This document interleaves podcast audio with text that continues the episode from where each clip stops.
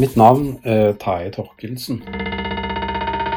Jeg er 51 år og um, er forfatter eh, og skuespiller. Komiker, egentlig. Utdanna norsklektor. De siste ti åra har jeg skrevet omtrent ei bok hvert år. Og mitt hovedfokus har vært ungdomslitteratur. Jeg tenker vel at det er ja, Det som skiller mitt arbeid fra andre, det er at eh, jeg, eh, jeg, skriver populære ungdomsbøker på nynorsk. Nynorsk er jo et minoritetsspråk som ikke folk nødvendigvis forbinder med underholdning. Men eh, det har vært mitt mål hele veien å skape en litteratur på nynorsk som er kjekk å lese, og som får, får gir unge mennesker lyst til å lese, og som òg gir et positivt inntrykk av nynorsk. Um, jeg pleier alltid òg å bruke ungdommer som lesere i prosessen, der, eller som konsulenter. Og gjerne da òg bruke helst gutter som ikke vanligvis leser noe særlig. For de kan gi meg eh, tilbakemeldinger som er veldig nyttige jeg henter inspirasjonen min fra veldig mange felt. Og jeg er egentlig veldig allsidig. Holder på med mye ulikt. Eh, jeg reiser veldig mye, og er, ja, steder er viktige i litteraturen min. Ja, jeg syns det er lett å Eller jeg trenger en location for å kunne skrive en fortelling. Må ha en scene. Men jeg òg veldig opptatt av politikk. Jeg har vært eh, representert med Miljøpartiet De Grønne i bystyret i Stavanger. Så miljøproblematikk og, og eh, kulturpolitikk, samfunnspolitikk, byutvikling er ting som jeg er opptatt av. Eh, men jeg blir òg veldig Jeg henter mye inspirasjon fra mennesker. Jeg er, jeg er faktisk veldig lite alene. Jeg tror mange forfattere er mye for seg sjøl, men jeg er nesten aldri alene. Når jeg er alene, så kan jeg skrive. Men, uh, men det er vanskelig til få tid. Jeg er egentlig veldig sosial og masse stor familie og stor uh, vennegjeng. Eller omgangskrets. Uh, men så stilistisk så er jeg veldig opptatt av Eller så er jeg inspirert av film og fortellerteknikk eh, fra film. Prøv, tenker òg det med at mine lesere ikke nødvendigvis tidligere har lest en roman, men de har garantert sett en film. Sånn at jeg bruker mye den, de samme eh, ja, sånn, trikser, filmtriks, rett og slett, i fortellingene mine.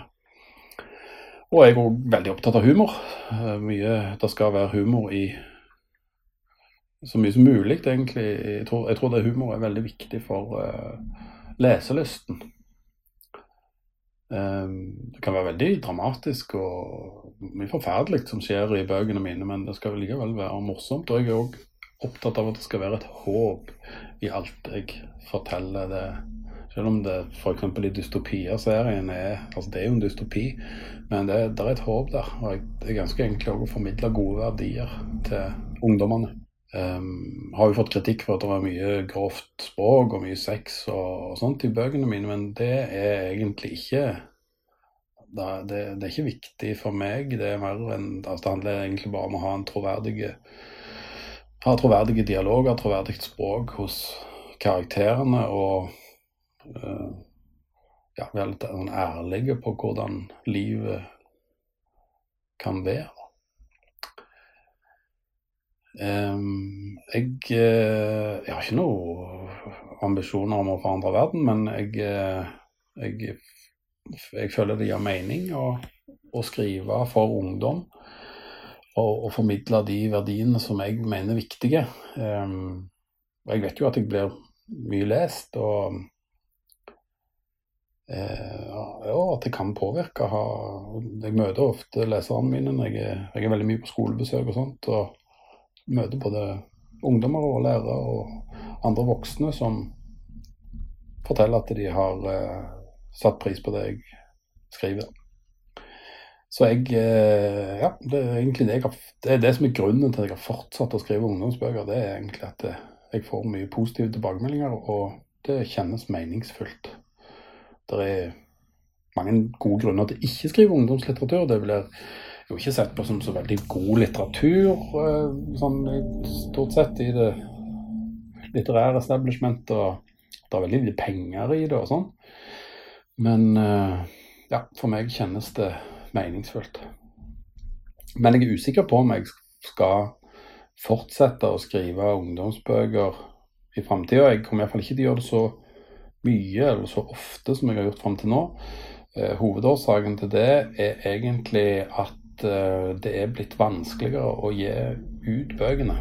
Eh, for at vi skal få til en, en god ja, for, til, for, at jeg skal kunne skrive noe som er enda bedre enn det jeg har skrevet til nå, eller minst like bra, så må jeg ha gode samarbeid med forlag. Og der, der er ikke noe økonomi i disse nynorske ungdomsbøkene. Sånn og det er heller ikke noe særlig kompetanse i forlagene. Sånn, sånn at det, det, er rett og slett litt vanskelig å, å få gitt ut bøkene eh, på, gode forlag. Og, og jeg har òg et par anledninger gitt ut uh, på sånn selvpubliseringsforlag, og det har egentlig vært en veldig positiv ting.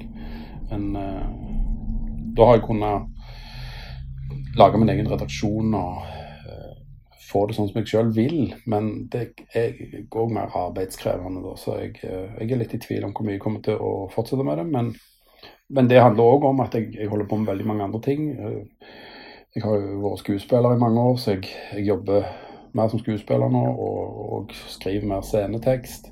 Um, jobber òg gjort, spilt i film og sånt, og begynt å skrive mer film for, for skjerm. da. Så jeg er egentlig åpen for det meste jeg har. Jeg lurer egentlig fremdeles på hva jeg skal bli når jeg ble voksen.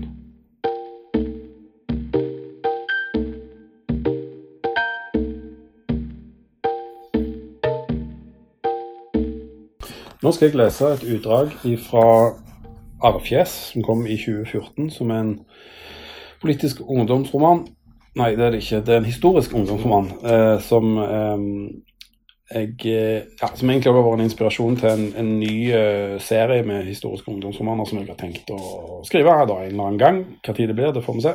Men um, dette er iallfall starten på den. Dette skal òg bli en teaterforestilling nå i november under Falturiltu-festivalen på Stord. Torsdag 23. april 1812 klokka tre natt. 59 grader og 1 minutt nord. 2 grader og 34 minutter vest. Bare den som sjøl har grava ei grav, veit hvor tungt det er. Hun skal være seks fot djup og like lang. Han som grev denne grava, er snaut fem fot lang. Han heter Einar Tevig og er ennå ikke fylt 14 år. For mindre enn to uker siden reiste han hjemmefra fra stedet han har bodd hele livet.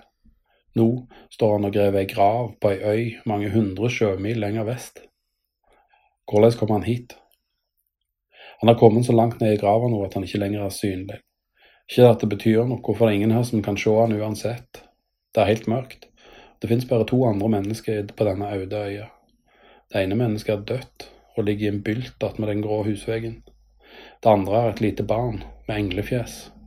Hun sover tungt og trygt i senga inne i huset. Hun aner heldigvis ikke at mora snart skal bli kasta ned i ei seks fot djup og kald grav. Da Einar var like liten som jenta, hadde han også et vakkert ansikt. Alle var enige om det. Men det var før koppersjuka kom til Tevik, det var før krigen. Nå er han ikke like vakker lenger. Den vesle jenta med englefjeset skreik da hun så han. Godt at hun ikke ser han nå. Godt at ingen andre enn Gud kan se han nå, hadde noen sett han der nede i hullet, så ville de nok ha drept han på flekken. Skutt først og spurt etterpå. Han ville uansett ikke kunne svare for seg, for han kan ikke språket deres. Det blir brått stilt. Spadekaster med sand og grus kommer ikke lenger opp fra hullet. Har han gitt opp, eller er han ferdig? Einar kaster spaden hardt opp av hullet. Det er tungt å grave ei grav. Han forstår ikke hvor tungt det er før han sjøl har gjort det. Einar strever med å komme opp fra hullet. Han har gravet halve natta, og nå er grava dypere enn han er høy. Når han tar spenntak i veggen, så raser bare sanden ned i hullet. Det burde han tenkt på før han kom så langt ned. Han burde ha funnet seg en stige, eller i det minste et tau. Det er ingen andre her som kan hjelpe han opp. Jenta som ligger og sover inne i huset, er for lita. Sikkert ikke mer enn to-tre år, og hvis det kommer noen voksne, så vil de nok skyte han på flekken. De vil tro at det er han som har drept den arme mora som ligger i en bylt borte ved husveggen. Einar sitter i bunnen av hullet og lener panna mot knærne. Har han egentlig gravet denne grava for seg sjøl? Han har ikke tenkt å gi opp nå? Det hadde sett mye verre ut før. Da han reiste fra Vigeland, fikk han én skilling av presten. Den skillingen ga Einar til ferjemannen i Svinør for å bli frakta over til Mandal. Da han mønstra på som førstereisgutt, eide han ingenting annet enn klær han hadde på kroppen, og det var ikke rare greiene. Nå er han jungmann, og han er rik. Han har både våpen og penger, fem skilling i støvelen og ei kiste full av amerikanske sølvdollar. Men den er det bare han og Gud som veit om.